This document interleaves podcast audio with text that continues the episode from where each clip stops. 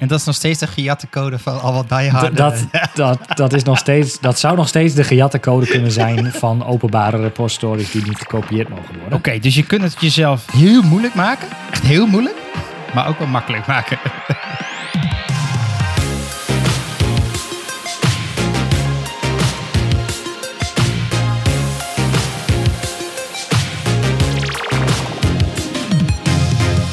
bij de Pixel Paranoid podcast. Ik ben Mikelle en samen met mijn co-host Rick gaan we alles behandelen rondom UX, UI en frontend development. En ehm, we hebben ja, eigenlijk twee onderwerpen deze aflevering. En nog wat side onderwerpen natuurlijk. Maar eh, met name WK 2.2. Daar zijn wat dingetjes in aangepast. Gaan we het over hebben. Ja, En eh, over design systems. nice. Maar eerst een. En een site. Ja, eh, ik had het al eens gehad over GitHub Copilot. Ja. Ehm Eén of twee afleveringen geleden. Ik weet het niet eens meer. Ehm, in ieder geval dat GitHub Copilot is dus een AI machine learning ding van GitHub. Waarbij als je een comment typt of begint met het schrijven van een functienaam. Dat hij dan zegt, oh dan wil je vast eh, dit. En dan pff, tap je en dan krijg je gewoon een volledige functie die hij zelf heeft gegenereerd. Op basis van wat hij heeft geleerd van openbare repositories, sterretje. Ehm, maar GitHub heeft nu ook, schijnbaar zijn ze mee bezig, een voice gestuurde eh, Copilot gemaakt. Of daar zijn ze mee bezig. Het is nog in beta. Volgens mij kun je je aanmelden. Ehm, die ook afgaat als je zegt, hey GitHub. Eh, dacht ik. Ja, dat, Nice. ja, ja hey GitHub. Eh, als je zegt hey GitHub, dan luistert hij naar het commando. En dan kun je dus omschrijven wat voor functie je wil hebben. En ze hebben er dus een, een promotievideo bij gezet van iemand die... ehm, ik weet even niet hoe de naam heet van de, van de, de, de spierziekte in je... ehm, Alex? hand. Eh, nee, ja, nee, van je hand. ehm eh, tunnelsyndroom, iets. Oh, iets die carpal, carpal, carpal tunnel syndrome of zoiets? Carpal dal, nou, Nee. whatever dat. En dat is een, een, een, een, een, promotie slash eh, uitlegvideo van iemand die dus niet heel veel kan typen, maar wel programmeur is bij eh, het SharePoint team van Microsoft. Oké. En die legt dan dus uit dat hij, nou dan zegt hij, hey GitHub, eh, create a function that takes two eh, user inputs as numbers and weet ik veel, nou had flats. En dan rolt er vervolgens, nou eigenlijk hetzelfde uit als wat, je, wat gebeurt als je het zou gaan typen, zeg maar.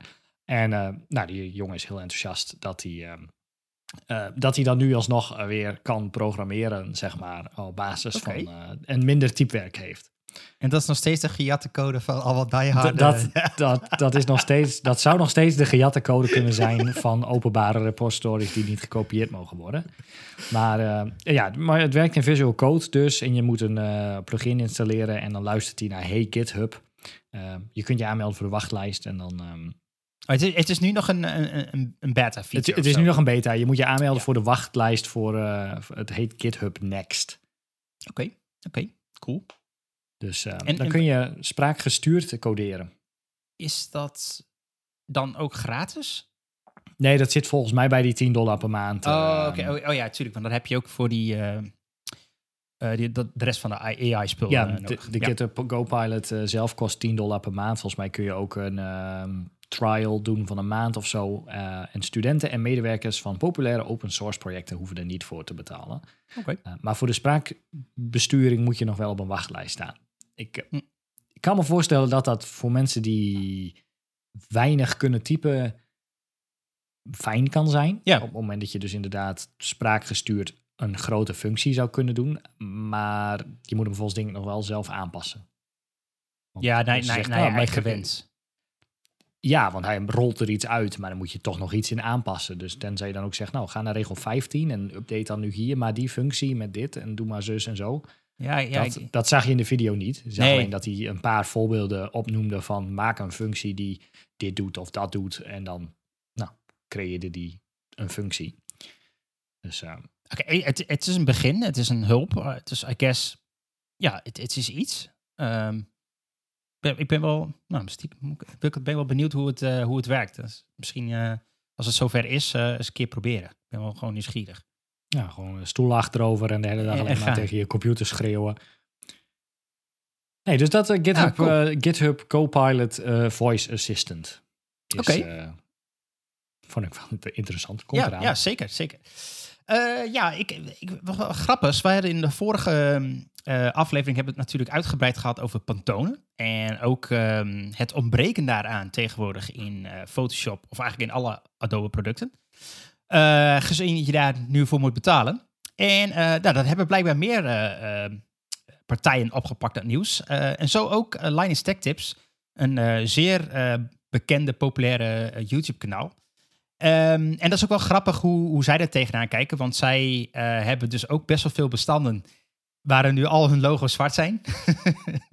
Ja. Dus, eh, dus, ehm, en hij vond het ook een beetje, eh, wat zijn uitleg wat er ook bij was, van ja, ik vind het eigenlijk wel een beetje apart, want nou, we zijn al genoodzaakt, zeg maar, om ehm Pantone überhaupt te gebruiken als systeem. Want dat heeft een beetje een monopolie in, nou, in de drukwerkwereld wel en ook voor, voor, hè, voor allerlei fysieke spullen. En ehm, hij zei van ja, eh, ik heb even een beetje onderzoek gedaan naar, naar hoeveel, ehm, ja, hoe groot deze bedrijven nou zijn. En zowel de Pantone als Adobe staat in de Fortune 500, zeg maar. Dus Ja. hebben ze nou echt deze, dit cash nodig? Hij vond het een beetje een rip-off. Maar eh, Ja, en, en het feit dat je dus de kleuren in Photoshop ehm, eigenlijk alleen kunt gebruiken als je weet hoe die er fysiek ja, uitziet. En om te weten hoe die er fysiek uitziet, Ja. moet je al een paar duizend euro neertellen voor zo'n waaier met de fysieke kleuren. klopt. Dus j- als, stel je hem gratis ja, beschikbaar, heb je nog steeds toegang tot die wire nodig, zeg maar. Dus Ja. hij vond dat als je al een paar duizend euro aftikt voor een wire, die maar 12 tot 18 maand ook ehm, actueel is, volgens ja, dat, Pantone, dat, dat is, want dan ja, dat is een goeie. moet je dus een nieuwe kopen, want Ja. dan veranderen de kleuren weer. Hey, Had ik heb er nog niet over nagedacht. Ook ehm, dat die wires, ja, dat zijn natuurlijk gewoon fysieke producten. Eh, je hebt gewoon eh, papieren wires, zeg maar. En die vergaan gewoon, die, die verkleuren. Dus dan heb je er niks meer aan. Nee, dus, dus om een accurate kleur te hebben, moet je elke 12 tot 18 maanden een nieuwe kleurenwaaier kopen voor een paar honderd tot een paar duizend dollar. En ja, dan Ook nog zou eens je 20 dollar in de maand betalen voor... om ze te gebruiken in je Ja, precies. Ja, dus daarvan vond hij dat hij, nou, dat er dat, dat toch nog wel bij vanaf kon. En de Ja. Adobe-producten worden trouwens ook niet goedkoper, omdat Pantone er nu niet meer in zit. Die 20 dollar per maand die je extra moet gaan betalen aan Pantone zelf. Ehm, dus het, het voelt inderdaad een beetje als een money grab, inderdaad. Van hoe... En, en of het nou... Adobe had kunnen inderdaad kunnen zeggen van... hey, wij nemen die, die licentie op ons. Eh, we verwerken in het pakket. En weet je wel, eh, als je het bij ons doet, dan is het, eh, weet ik veel, 2 euro of zo, 3 euro. En Pantone had eigenlijk ook wel kunnen... Waarom is het niet een service van Pantone eigenlijk? Dat, dat verbaast me er een beetje over. Want zoveel werk is het toch niet om een plugin te leveren waar gewoon een paar swatches in staan. Ja, ja oké. Ja. nou, goed. Ik, ik vond het eh, leuk dat hij er ook eh, aandacht aan besteedde in ieder geval. Eh, dus ik zet hem ook even in de show notes. Zo kan iedereen hem even, even bekijken. Ehm, ja, laten we doorgaan naar de, naar de main. En wat ik al zei, we hebben twee nou, belangrijke grote mains al. En één daarvan is wat recente aanpassingen in ehm WK 2.2. Die is nog niet definitief volgens mij helemaal. Hij is nu wel Is je Ik gepublished? weet, niet, ik weet niet wat de statussen allemaal precies zijn, maar volgens mij is dit wel de laatste rele- candidate for release-achtige bedoeling, zeg Ja, maar. Dus, Dus we verwachten er nu geen grote wijzigingen meer. En volgens mij is het idee dat die in januari of februari ergens ehm, gepubliceerd gaat worden. Alright. Dus ik was mij aan het inlezen, want we hebben ergens vorig jaar in een paar afleveringen al wel eens ehm, wat aandacht besteed aan nieuwe zaken. Eh, dus die ga ik niet allemaal eh, nu bij langs, want daar wilde ik het niet over hebben. Maar eentje daarvan ehm, die ehm, of nieuw is. Ja, nieuw is, Aangescherpt misschien. aangescherpt is, Ja. is de focus styling. Ehm, in WCAG 2.1, de huidige laatste versie, staat dat het altijd duidelijk moet zijn welk element focus heeft. Maar er staat niks over verplicht contrast van die focus indicator. Hm. Dus dat is dan ter discussie of iets wel of niet duidelijk is dat iets focus heeft. Ja. Nou, in 2.2 ehm, gingen ze daar aanpassingen doen, hebben ze ook aanpassingen in gedaan. Ehm, en daar hebben ze dus nu een Nou, ik, ik heb het denk ik wel, wel, wel vijf of zes keer moeten lezen voordat ik nou precies begreep wat er nou stond. Ehm, om dan gelijk nog even weer een toekomstbeeld. Gewoon in WK 3, uh, die dus nog lang in de toekomst is, willen ze het heel user-friendly, willen ze de tekst gaan aanpassen, dat het echt ook voor iedereen duidelijk is. Maar goed, uh, het is nogal een erg complexe tekst, dus ik heb weet ik hoeveel artikelen gelezen van mensen die vervolgens voorbeelden maken um, met hoe die regels geïmplementeerd zouden moeten worden. Maar goed, focus styling. In WK 2.2 um, vanaf januari dus waarschijnlijk uh, um, live. Houdt het in dat een focus indicator, dus als jij met je toetsenbord door de website heen gaat, mm -hmm. um, dan moeten alle elementen die selecteerbaar zijn of waar je mee kunt interacteren, dus buttons, invoervelden, linkjes, uh, linkjes, ja. allemaal van dat soort dingen inderdaad waar je iets mee zou moeten kunnen, moet duidelijk zijn waar je op dat moment met je toetsenbord zit. En ze hebben het opgesplitst in twee, twee delen. Twee, twee offs. Of A of B. Okay. Of beide, dat zou ook mooi zijn. Maar um, in eerste instantie is het zo. Voor punt A. Dat je focus indicator, die moet het hele gefocuste object, uh, of een hele gefocuste element omringen. Oké, okay, ja. Dus je mag geen gestippelde border gebruiken. Uh, dit, dit is voor punt A. Dus dat houdt in dat je, want Firefox deed altijd een gestippelde zwarte um, ja, outline, zeg maar, ja. om een element heen. Nou, die was natuurlijk de helft van de tijd niet goed zichtbaar. Um, dus daar willen ze vanaf. Het moet een solide, solide outline um, uh, zijn in dit geval. Oké. Okay. En die moet aan beide kanten van de outline een 3.1 contrast hebben met een andere kleur. En met beide dus kanten je... bedoel je binnen- en buitenkant? Nou ja, zie een, element, zie een knop voor je. Een, laten we zeggen, blauwe knop op een witte achtergrond. Ja. Om het even makkelijk te houden. Als je die dan focust met je toetsenbord, dan zou je kunnen zeggen: hey, ik zet er een zwarte rand omheen. Mm -hmm. Om het nog even heel makkelijk te houden. En die staat gewoon letterlijk tegen de knop aan. Ja. Gewoon een zwarte rand om een blauwe knop heen. Dan houdt dat in dat die een 3.1 contrast moet hebben met zowel de achtergrondkleur, dus de witte achtergrondkleur in dit geval, en de blauwe kleur, blauwe kleur van de knop zelf. Oké. Okay. Nou, dat vond ik al lastig, want als je een focus indicator om een knop of om een element stijf heen zet, dus echt letterlijk er tegenaan, dan moet je dus echt twee compleet verschillende kleuren, beide een contrast van 3 Ja. tot 1 hebben. Ja. Dus als jij die knop niet op een witte achtergrond hebt staan, maar die staat op een, weet ik veel, pak een kaartje, pak een knop, weet ik veel, die, die- waarbij het kaartje groen is, ik noem maar wat, en de achtergrondkleur is roze of zoiets dergelijks, dan moet die focus indicator moet zowel 3 tot 1 op groen zijn als 3 tot 1 op roze. Ja, ja, ja. Ehm, dus dat zorgt voor twee complexiteiten. Nou, wat je dan kan doen, is eh, een offset meegeven aan die outline of aan die focus indicator, hoe je hem dan maar wil, eh, wil stylen. Wat inhoudt dat hij dus niet meer tegen het element aanstaat, maar een klein beetje ervan af. Dat Ja. er een soort ruimte omheen staat. Ja.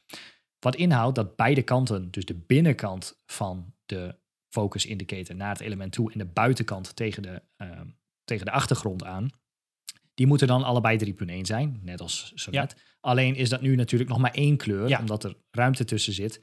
Is het in dit geval beide de roze achtergrond of de witte achtergrond. eh, als we de blauwe knop als voorbeeld eh, pakken. Dus dat, dat maakt het wat makkelijker. Ja. Eh, eigenlijk zou je het voor jezelf heel makkelijk kunnen houden door altijd een focus indicator, een offset te geven van, laten we zeggen, twee pixels. Zodat die nooit tegen het element aanstaat. En je dus daar nooit rekening hoeft te houden met welke Ja. kleur het element zelf is. Alleen maar met waar die op staat of wat de achtergrondkleur is. Ehm, dus dat is punt 1. Check. En dan heb je punt 2. En punt 2 zegt, ehm, als je dus A niet voldoet, dan mag je wel een gestippelde outline doen. Alleen de lengte van de, ja, de, de outline trouwens, ik, heb ik helemaal nog niet uit. De outline is even, de, laten we zeggen, een border om het Ja, element ja, ja, ja. Ehm, dat houdt in dat de outline van het element op zijn minst net zo groot moet zijn als de omtrek van het element. Ehm, Oké, wat dat inhoudt dat als jij dus een button hebt, van 80 pixels breed en 40 pixels hoog, je dat bij elkaar moet tellen. Dus 80 plus 40 en dan ook 80 aan de onderkant en 40 aan de zijkant. Dan denk je, oké, top, dan ben ik er. Nee, want de vier hoeken in CSS die overlappen, dus die moeten vier pixels van aftrekken. Dus dan kom je op een totaal uit. Nou, als je ehm, je border of je outline aan de buitenkant van je element zit, dan is hij dus altijd één pixel groter Ja, dan dus- dus het element. Zit je Dus safe. zit je safe. Echter, als je dus een dotted of een dashed, dus een gestreepte of een gestippelde outline pakt, Ja. dan vallen er dus gaten in en is de totale lengte is dus niet meer de lengte van je. Oh. Precies. Als je dan echter bijvoorbeeld de outline of je border aan de buitenkant 2 pixels of 3 pixels of 4 pixels dik maakt, dan telt dat dus wel weer mee voor de totale lengte. Dus Wauw, dat wordt heel complex. dat wordt echt uber complex inderdaad. Want als je dus een en dan staat er ook van je moet dat dan even gewoon eh, op de achterkant van een bierveeltje ongeveer gaan uitrekenen, zeg maar. Dat als jij zegt, hey, ik wil een dashed outline om deze knop heen, dus een, een ge- gestreepte outline met, met gaten ertussen, dan moet je ongeveer even tellen van, nou, weet je, er zitten elke vier stippen zitten er zoveel pixels gaten tussen.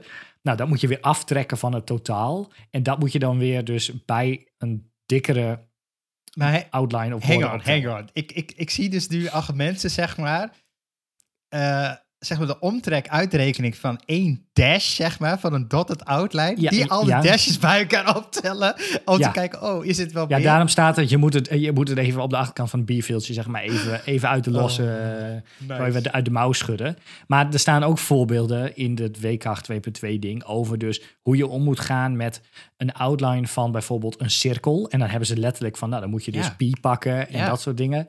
Eh, er staan ook Oh. voorbeelden van, ja, maar hoe ga je dan om met een element die niet Een eh, ster of zo. Een, Of s- een, nou, of een ster inderdaad, of een, een pentagon of zo. Precies. Da, nou, daar hebben ze allemaal voorbeelden van gemaakt hoe je dan inderdaad moet gaan uitrekenen ehm, of je, de totale lengte van jouw outline gelijk is eh, of langer is dan de totale oppervlaktelengte van je element dat je wil focussen.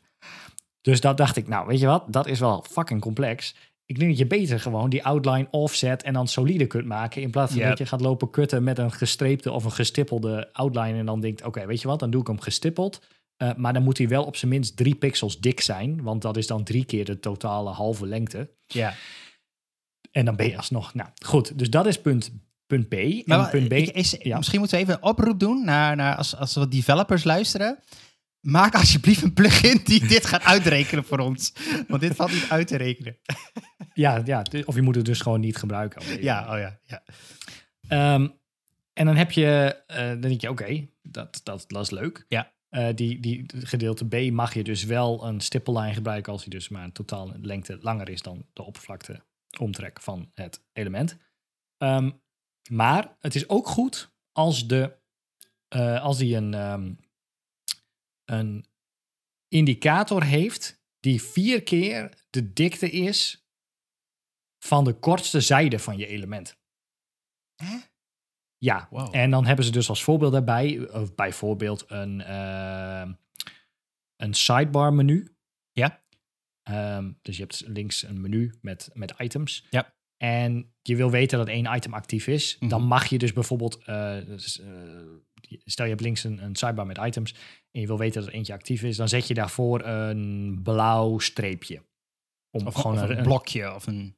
nou, nou ja, een blokje. Laten we, laten we zeggen dat hij gewoon van boven tot beneden van het element eh, gewoon de hoogte pakt. Ja. En dan moet hij dus vier keer, eh, vier keer de lengte van het kortste gedeelte van het element zijn. Dus, dus stel, het, het element, ik noem maar wat, is 20 pixels hoog.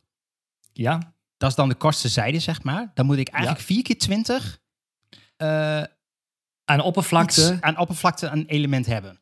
Correct. Oké, oké, oké, oké. Dus dan kun je een heel, hele, hele Jeetje. dikke linker border inderdaad neerzetten. Die dus inderdaad eh 4 pixels breed is en 20 pixels hoog. Eh, en dan is dat ook voldoende indicatie ehm, om iets eh, te doen. Oké, dus je kunt het jezelf heel moeilijk maken. Echt heel Ja. moeilijk. Ja. Maar ook wel makkelijk maken. Ja, dus in het kort is het zo dat het makkelijkste is gewoon een, een outline om een object heen te zetten met een afstand vanaf het object. Want dan hoef je alleen maar rekening te houden met de achtergrondkleur. ja, een solide outline. een solide Ja, outline, ja, ja. inderdaad. Hoef je alleen maar rekening te houden met de achtergrondkleur. Ja. Ehm, wil je hem toch tegen het element aanzetten, dan moet hij dus op zijn minst zo lang zijn als de totale omtrek van het element. Ehm, of twee pixels, minimaal twee pixels dik. Of vier, pix, vier keer de kortste zijde. Maar nou, in de, in, de show notes zet ik een heel mooi artikel van Sarah Swaydan, die daar allemaal voorbeelden van heeft gemaakt. Ehm, mocht je het willen lezen. Maar de, de kortste klap, en dat is ook hoe heel veel andere artikelen die schrijven over wat is er aangepast in WCAG 2.2, die zeggen gewoon, ah, je moet gewoon outline solid met een, met een gap, ja, zeg maar. dan ben je, ben je goed. Dan, dan ben je er ook. Ja. Maar mocht dat geen optie zijn, dan nou, wordt het een heel rekensommetje om te kijken wat, eh, wat wel kan. Dus dat was, dat was outlines. En dan is er nog een tweede kleine punt. En dat is dat de focus niet meer obscured mag zijn. Wat inhoudt dat als jij een sticky header of een sticky footer hebt, of iets anders wat in beeld vliegt, Ja, eh, en je bent dus lekker aan het tabben met je toetsenbord door de website heen. En de header is bijvoorbeeld sticky, of je hebt een cookie bar of zoiets dergelijks. Ja. En jij bent gefocust op een invoerveld of een knop. En daar zit de cookie bar zit daar overheen, want die scrolt met je mee. Dat mag dus niet meer. oeh, Dus dat wordt een hele. dat is spicy. Ja, en er staan ook niet echt voorbeelden bij hoe je dat zou moeten oplossen. Je hebt wel iets dat heet scroll padding. Mhm. eh, wat inhoudt dat als je naar een element toetapt, dat hij altijd een bepaalde spacing tot aan de bovenkant van je browserscherm ehm, ja, houdt, Ja. zeg maar. Dus dat zou je dan kunnen toepassen. Maar ja, dat wordt wel echt heel veel manual testing om te kijken of... eh, ja ik, ik, ik zit vooral een beetje eh, in de hoek te denken van de... Nou ja, je zei net cookie bar. Hè? Dat, je hebt natuurlijk best wel wat oplossingen. Daar heb je een, een van de third-party script wat je naar binnen hengelt. Eh, waar je niet soms altijd even controle over hebt. En dan is het tricky of dat goed gaat. Ja, nee, Hmm. dat klopt. Dat, eh, maar ja, dat is nu onderdeel van... eh, wordt onderdeel van, Of van die, van, van die eh rechts onderin. En nou, misschien wordt het web er wel wat beter door, moet ik eerlijk zeggen. Want ik ben niet zo fan van al die dingen die poep, poep, poep. Nee, nee, eens. eens Maar eens. ehm, hm, nee, dat is wel een goeie. Oeh. Dat, dat, dat kan wel eens eh, naar uitvallen. Kan ik me voorstellen. Ja. En ehm, ehm, ehm, eh, jij had het over WCAG 2.2, maar voor welke... Is dit voor A, 2KA, 3KA? 2K. 2KA, oké. 2K. Dus het, het, de, ja, 2K. Oké, oké. Punt. Dus alle overheids... Overheid eh, semi-overheid, zal eh, daaraan moeten voldoen. dingen moeten hieraan voldoen. Het is natuurlijk helemaal top als jij de website van de slager op de hoek hier ook aan laat voldoen. Eh, zeer zeker. Maar, want daar worden ook mensen blij van. Maar, ehm, en dat kan ook tegenwoordig gewoon met Focus Visible. Dus niemand hoeft te zien dat jij hier aandacht aan hebt besteed. Alleen de mensen die eh, het wel doen, die worden dan blij. Ja, nou ja, d- Dus, dat eh, is alleen maar goed, toch? Ja, Oké, awesome. Eh, behoorlijk een bak met info, eh, maar wel handig om te weten, denk ik. ja ik, dacht, hoe kan ik dit... Hoe moet ik dit... Ik, ik heb geen beeld. Ja, wij hebben beeld hier als je via YouTube kijkt. Maar eh, in de auto ehm, kon ik moeilijk eh, laten zien hoe dit, eh, hoe dit eruit ziet. Maar de conclusie is gewoon outline, afstand vanaf het element, solid, top. Zit je helemaal gebakken. Check. Alright. En jij hebt een eh, design system. Ja, ik, ik, nou, het is bij mij, denk ik, in mijn werkleven de week van de design system. Wij moeten toevallig ook een presentatie geven daarover. Maar los daarvan ehm, zijn er wel wat dingetjes online gekomen, eh, wat ik wel interessant vond. Ehm eh, een van de dingen, wat, wat vaak toch wel een discussiepunt is van design system, is wat kost het nou eigenlijk? En wat levert het maar op? En ehm, ja, dat is altijd wel een beetje, een beetje koffiedik kijken. En nou hebben een, eh, heeft een van de tool, of een partij moet ik zeggen, een, een slimme calculator gemaakt van Knapsack. Eh, daar zit wel wat achter, uiteraard. wij van WC1, maar ja, nou ja, ja, tuurlijk. Dat, dat is inderdaad een beetje wij van WC. wel een positieve wij van WC1. Ja, ja nee, dat zeker, zeker. Want ik kan me goed voorstellen dat jij als eh, UX-designer moet jij eh, verdedigen waarom een design system voor een klant eh, nodig is. En zeker dat bij de wat grotere klanten met wat complexere applicatie, website, whatever wat je moet maar designen en waar ook veel doorontwikkeling op zit, eh, kan het echt wel baten om een design system op te zetten. En we hebben het er een keer eerder over gehad, van wanneer zou je het nou wel of niet doen. En we zeiden toen al volgens mij van, nou, ik zou het eigenlijk altijd wel doen. Ja. En misschien niet altijd even uitgebreid dan misschien, maar je hebt er eigenlijk altijd wel, uh, wel uh, baat bij. Ja, het is ook zo, je kunt het nu gewoon doen. Hè? Het, het, het ja. is eigenlijk, in Figma denk je van ja, als ik één kaartje maak en ik moet dat ding nog op vijf pagina's neerzetten, rechtermuisknop, create component, bam, bam gaan we ja. er benaderen. Waarom zou je die doen? Ja, nou ja, en je zit uh, uh, met je tokens, je zit met je kleurtjes, je zit met je fonts. Je, er zijn zoveel standaard instellingen al die je, die je sowieso eigenlijk wel nodig hebt en die je consistent wil doen. Wat je toch al vast gaat leggen, dan ben je eigenlijk al best wel een eind op weg. En inderdaad, wat je zegt, als je dan toch components gaat maken, dan, nou, dan, dan scheelt het alleen maar. maar goed, de, de beste mensen van Knapsack, die hebben een, een ROI-calculator gemaakt. En um, dat is wel een Return on investment ja, ja. calculator voor design systems. Ja, en, en ik, ik heb er even naar gekeken. Uh, ik denk dat het handig kan zijn. Uh, het, een paar opmerkingen. Het is in, in dollars, dus dat is even, nou, dat zou je misschien even om kunnen fietsen naar euro's voor jezelf. Als een kwestie van uh, alleen, alleen het icoontje veranderen, toch? Ja, zo'n beetje inderdaad. Volgens mij is de dollar nu iets positiever dan de euro, maar oké.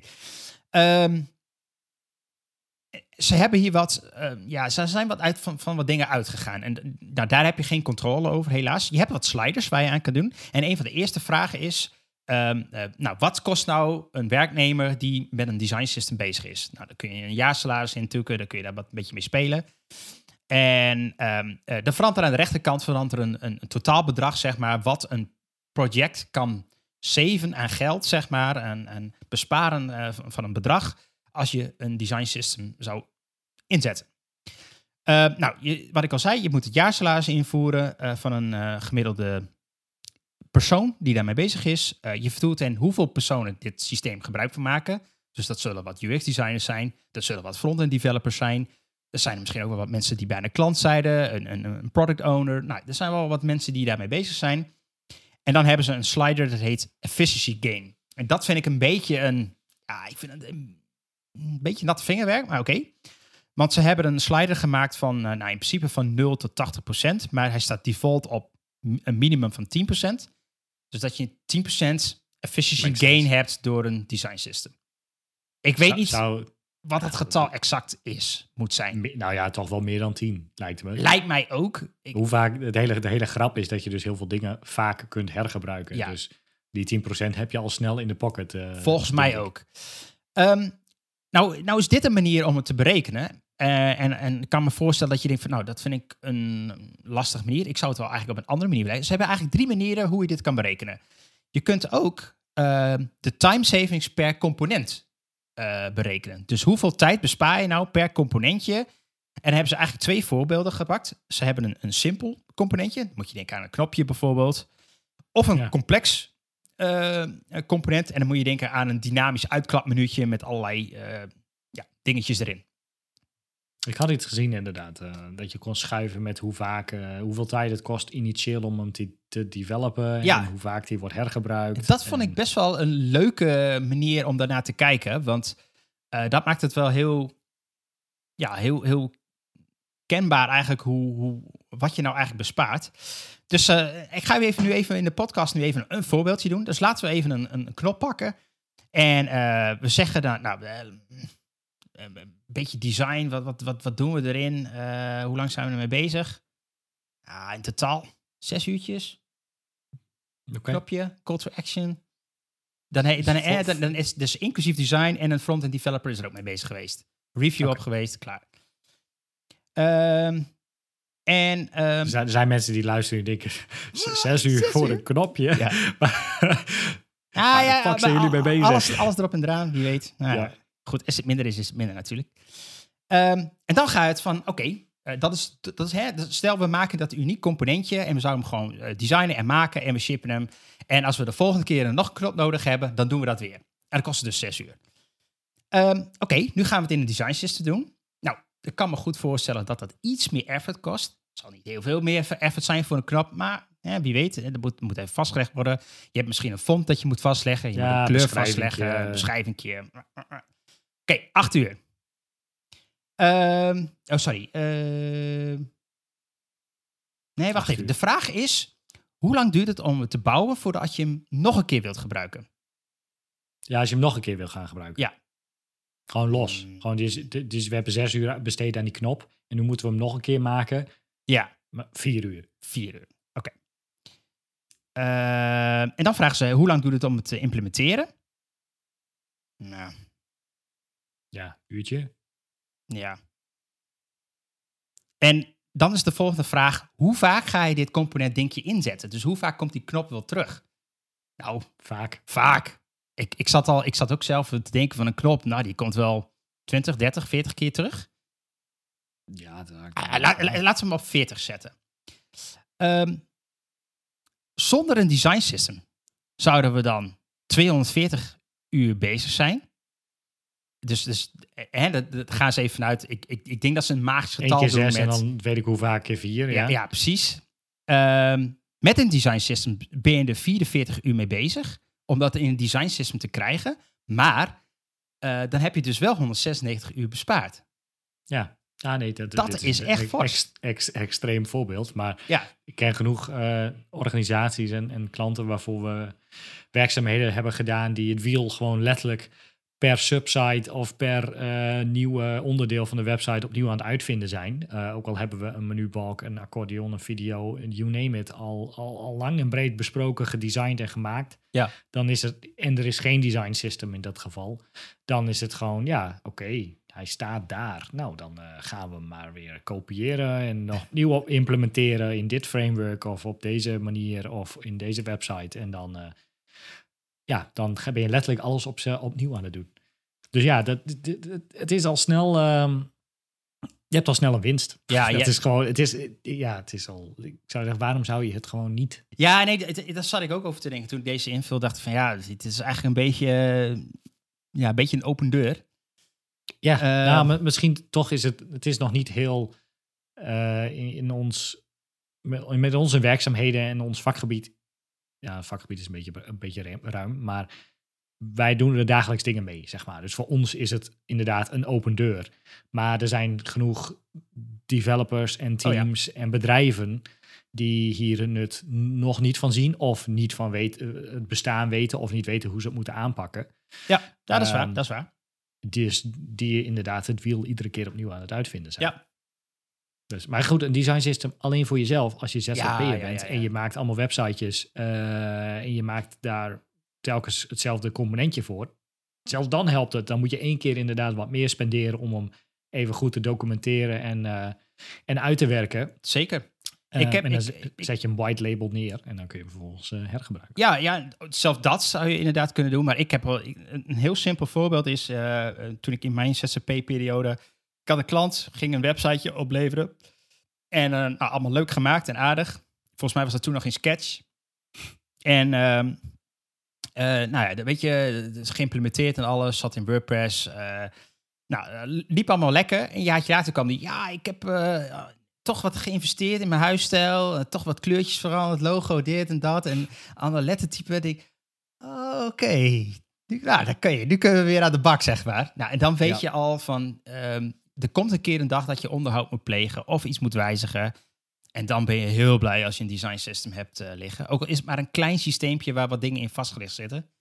Ja, dat is enorm Ja, recent, eh, recent een, eh, een restyle doorgevoerd bij een, een klant die een design system had staan. En dan is het een kwestie van wat kleurencodes aanpassen en wat dingetjes aanpassen in de hoofdcomponentjes op het laagste niveau van je design system. Ja.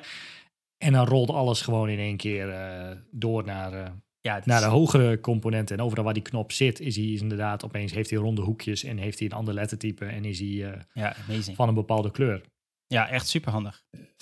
Ehm oh ja, en wat ik zei, hè, dus waren dus drie onderdelen. Ehm, nou, je hebt ook nog een, een tabblad waar je complete return of investments kunt uitrekenen. En dan gaan ze gewoon uit van, hey, heb je, heb je één of meerdere producten die, waarbij je dat design system zou kunnen inzetten? Wederom weer, wat kost het een, een werknemer? Eh, hoeveel mensen maken gebruik van het systeem? En nou, hoeveel verwacht je aan, aan efficiency gain? En dan komt er gewoon een eh, best wel flink bedrag al uitrollen met één product en, en twee design system users. Heb ik al eh, 37.000 eh, dollar bespaard. En moet je nagaan, als je vier producten hebt, dan, dan, dan telt het echt belachelijk hard op. Dus dat, ehm, ja, het, is, het is een leuke, leuke handige calculator. mocht je een klant willen overtuigen of een manager, of, nou, dan kan ik dit eh, zeker wel aanraden. Ehm, toch ook nog even van de partij, want ik was even nieuwsgierig van waarom hebben ze deze calculator nou gemaakt? Want er zit natuurlijk wat achter. Eh, wat doet Knapsack nou? Nou, die hebben een product gemaakt. En ik, ik, ik ben helemaal niet, we zijn geen sponsors, ze zijn niet sponsors van ons of zo. Dus Mag wel hoor. Eh, ja, nee, ja, misschien willen ze dat, eh, nou, als ze dit horen. Eh, maar ze hebben dus een, een product gemaakt. eh, en dat vind ik nog wel grappig. Misschien eh, zijn mensen daar toch geïnteresseerd in. Is je kunt wat, eh, ja, laten we zeggen, pakketten aan elkaar knopen. ja. Dus bijvoorbeeld Figma, eh, GitHub, eh, je code editor, eh, misschien volgens mij Storybook kun je eraan koppelen. Ehm, en wat zij eigenlijk voor je doen, is ehm, een, een online portaal creëren, zeg maar. eh, waarin alle componenten beschreven zijn. En dat begint dus al bij, vanuit je Figma. Vanuit Figma wordt je, je tokens worden uitgelezen. Wordt uit een JSON-object uitgelezen. En dan kunnen ze daar op basis daarvan alweer eh, nou, daar documentatie automatisch van uit of genereren, moet ik eigenlijk zeggen. Ja, dat is, wel, dat is wel nice. Want wat je nu doet is natuurlijk je designer in Figma, die heeft, ehm, die maakt daar de font styles aan en die maakt zijn kleur, kleurstyles aan. Nou, jij krijgt dat designbestand. Jij neemt in jouw, in, in CSS in dit geval, ehm, die variabelen ehm, over. Ja. Dus jij gaat dezelfde namen gebruiken met dezelfde kleurcodes en dat soort dingen. Maar goed, als de designer een nieuwe kleurcode toevoegt, dan moet jij hem ook toevoegen, et cetera, et cetera. Ja. Zo, het, is, het is niet superveel werk, maar je blijft wel twee dingen hebben die je moet onderhouden. En in dit geval is hun product dus dat ze vanuit Figma eh, een JSON-file exporteren die jij dan in je applicatie kan inladen, ehm, die je eigenlijk als, als single point of truth kunt gebruiken. Ehm, Ja, dat als de designer iets update, dan update die file automatisch in de repository. ja wat, en wat, wat ze compilt inderdaad... die met die nieuwe kleurcode. Ja, klopt. Want ze hebben dus allemaal Git-workflows gemaakt. Eh, op de achtergrond allemaal scriptjes gemaakt, zeg maar. Die, die automatisch updaten. Eigenlijk doen ze gewoon eh, committen en pushen, zeg maar. Eh, dus je krijgt ook echt versiebeheer op je, ja, op je design eigenlijk wel. En op je tokens. Eh, er komt automatisch dus documentatie uitrollen. Er komt een soort van online portaal uitrollen. En eh, nou, op deze manier heb je, hou je alles een beetje in sync. Zonder dat je zelf alle tools aan elkaar hoeft te knopen, zeg maar. Dat Ja, kan ook ja, hoor. ja. Maar dat doen zij dus eh, voor je. Vond alleen de, de pricing vond ik wel Ik zeggen, en dat allemaal voor het legendarische bedrag van 250 dollar per maand vond ik wel stevig. Ik kan me ergens voorstellen dat het tijd bespaart. Maar Nou ja, Ja. eh, ik zie een projectje. Ik ga van het weekend even een ROI-calculator maken op de Knapsack, Knapsack, eh, Design System ROI Calculator uit kan. Dus dan hoe vaak gebruik jij, hoe vaak update jij je tokens en dan kijk, kijken of die 250 per maand eh, ja, beter besteed kan worden aan sponsor van deze show of dat is een hele goeie. dat is een hele aan, eh, aan de- 250, dat is wel fors hoor. Ja, vond ik, vond ik ook zeg wel. maar tientje, 15, goh, 20. Maar 250 250, dat zijn, eh, dat zijn, dat, dat is nog, dat zijn Adobe prijzen, zeg maar. Ja, ik, ik, nog niet eens, denk ik. Ik denk dat Adobe Voor de, is. voor de full suite. ja, dus eh, ik vond, vond het erg stevig. En dan heb je, dat is nog maar de starter. Je hebt ook nog een enterprise. Dan heb je ook nog wat single sign-on dingen en zo. Die, die, die is, eh dan mag je gewoon contact opnemen. Die is zeg maar te duur. Dat is een beetje uh, Bijenkorf Oh eh, niveau. ja, ja, precies. Ja, op het moment dat er zeg maar staat contact us, zeg maar, dan, dan weet je wel dat het eh, om serieus geld gaat. Yes. Ehm, Hm. hey, en dan hebben we eindelijk eh, mensen overtuigd dat we een design system moeten maken. Nou, dat, dat, eh, dat kan ik me heel goed voorstellen dat dat wel gelukt is. Maar dan wil je wel weten hoe je zo'n ding op moet zetten.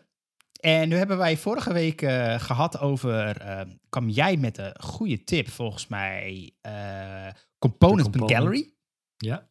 Ehm, en dit sluit er eigenlijk wel op aan, want iemand is eh, gestart met de design system.guide. En dat is eigenlijk een soort van, ja, Checklist. checklist. Ja, het is niet, het is niet echt een checklist, maar het neemt je wel door allerlei belangrijke hoofdstukken heen eh, van een design system opzetten. Dus waar moet je beginnen? Eh, hoe bepaal je zeg maar wat in een design system allemaal gebouwd moet worden? Eh, hoe gaat de structuur eruit zien? Waar moet je allemaal nadenken over wat voor design tokens je allemaal gaat opzetten? Dus fonts, colors, spacings, nou, noem het maar op. Ehm, en dat is wat ze tot nu toe uit, heeft, heeft uitgewerkt. En ik, ik zeg ze, want het gaat hier over Romina Kavcic. Kavcic? Kavcic? Ja, ja, ja, ja, ja. Dat, dat- we hebben het voor de show door de pronunciation ding gehaald. Dus, ehm, dus dat. Dus excuus mevrouw als u luistert. en, en dit kan verstaan, eh, dan respect ook. Maar eh, eh, als ik de naam verkeerd spreek, excuus. Eh, maar ze heeft dus nu, even kijken, vier hoofdstukken geschreven dus. Eh, Where to Start, Design Audit, Structure en Design Tokens heeft ze nu uitgewerkt. En er komt nog Planning en Collaboration. Eh, de adoptie van een design system.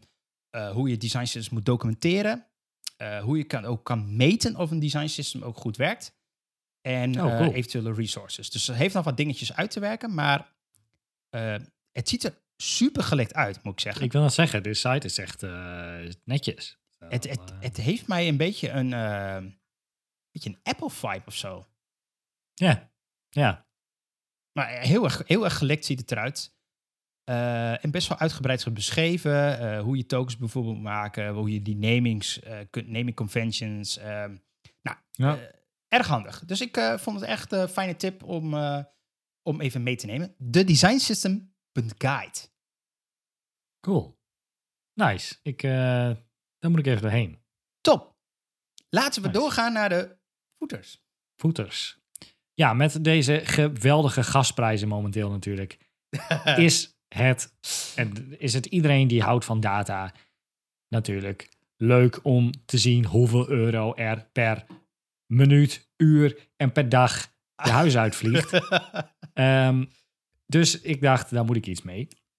Hoe kom je eraan? Je hebt natuurlijk hartstikke leuk een app van je Nuons en je Oxio's en je dat soort dingen, maar die, Ja. is, die loopt dagen achter en die is niet live en dat is allemaal niet leuk. ja, en als je switcht Eh, ben je data weer kwijt.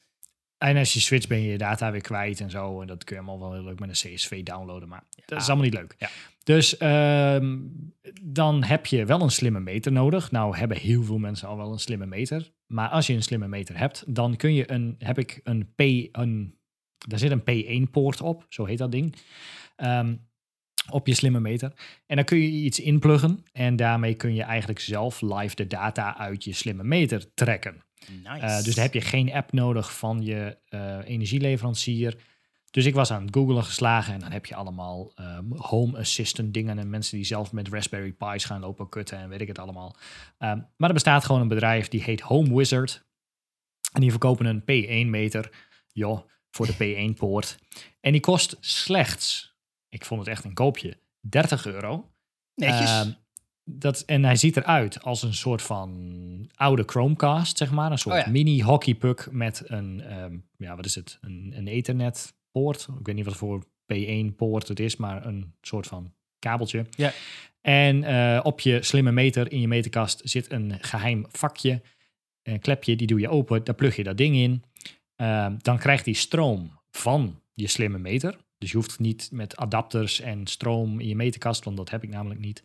Um, dus je plugt dat ding er gewoon in. Hij krijgt genoeg stroom van de slimme meter zelf om te werken. Je Nice. opent de app, hij ziet dat ding, hij begint groen te knipperen. Je voegt hem toe.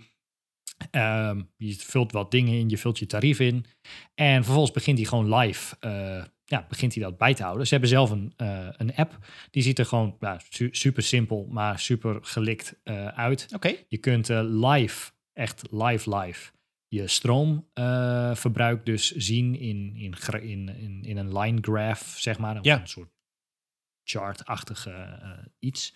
Dus zo grappig als je dan de lampen in huis aan of uit doet of je specifiek iets aan, dan zie je ook letterlijk het, het, het wattageverbruik. in één een piekje of in één, als je de wasmachine aan, springt hij opeens naar 2500 watt of zo. Ja. Dan zet je hem uit, doe je alles uit. Nou, dus dat is wel leuk. Uh, gas doet hij niet live, want dat kan hij niet. Uh, want dat, doet, dat doen de slimme meters schijnbaar niet. Dus hij doet het niet live in de app.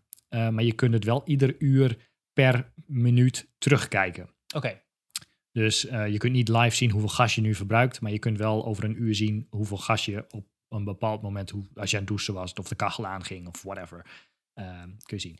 In de app kun je het van P1 Home Wizard, kun je het één jaar opslaan slash terugkijken. Ze hebben een betaalding, die kost een paar euro per maand volgens mij. Dan kun je het langer terugkijken. Okay. Maar dit ding kun je ook um, we hebben het al eens gehad over Home Assistant. Ja. Dat is dus een software wat je op een Raspberry Pi draait, waarbij je allemaal apparatuur aan kunt koppelen. Nou, ze hebben uiteraard, heeft iemand hier iets geweldigs voor geschreven die dit gewoon uitleest. Dus je kunt de data hiervan Nice. zelf in Home Assistant hangen.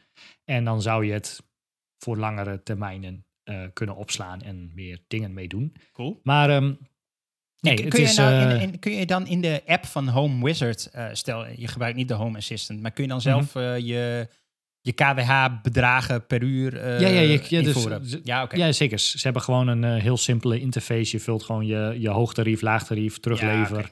Vul je allemaal in. eh, je gas en dan begint hij gewoon te lopen. Meer Nice. valt er ook niet echt in te stellen. Ehm, ja, werkt top.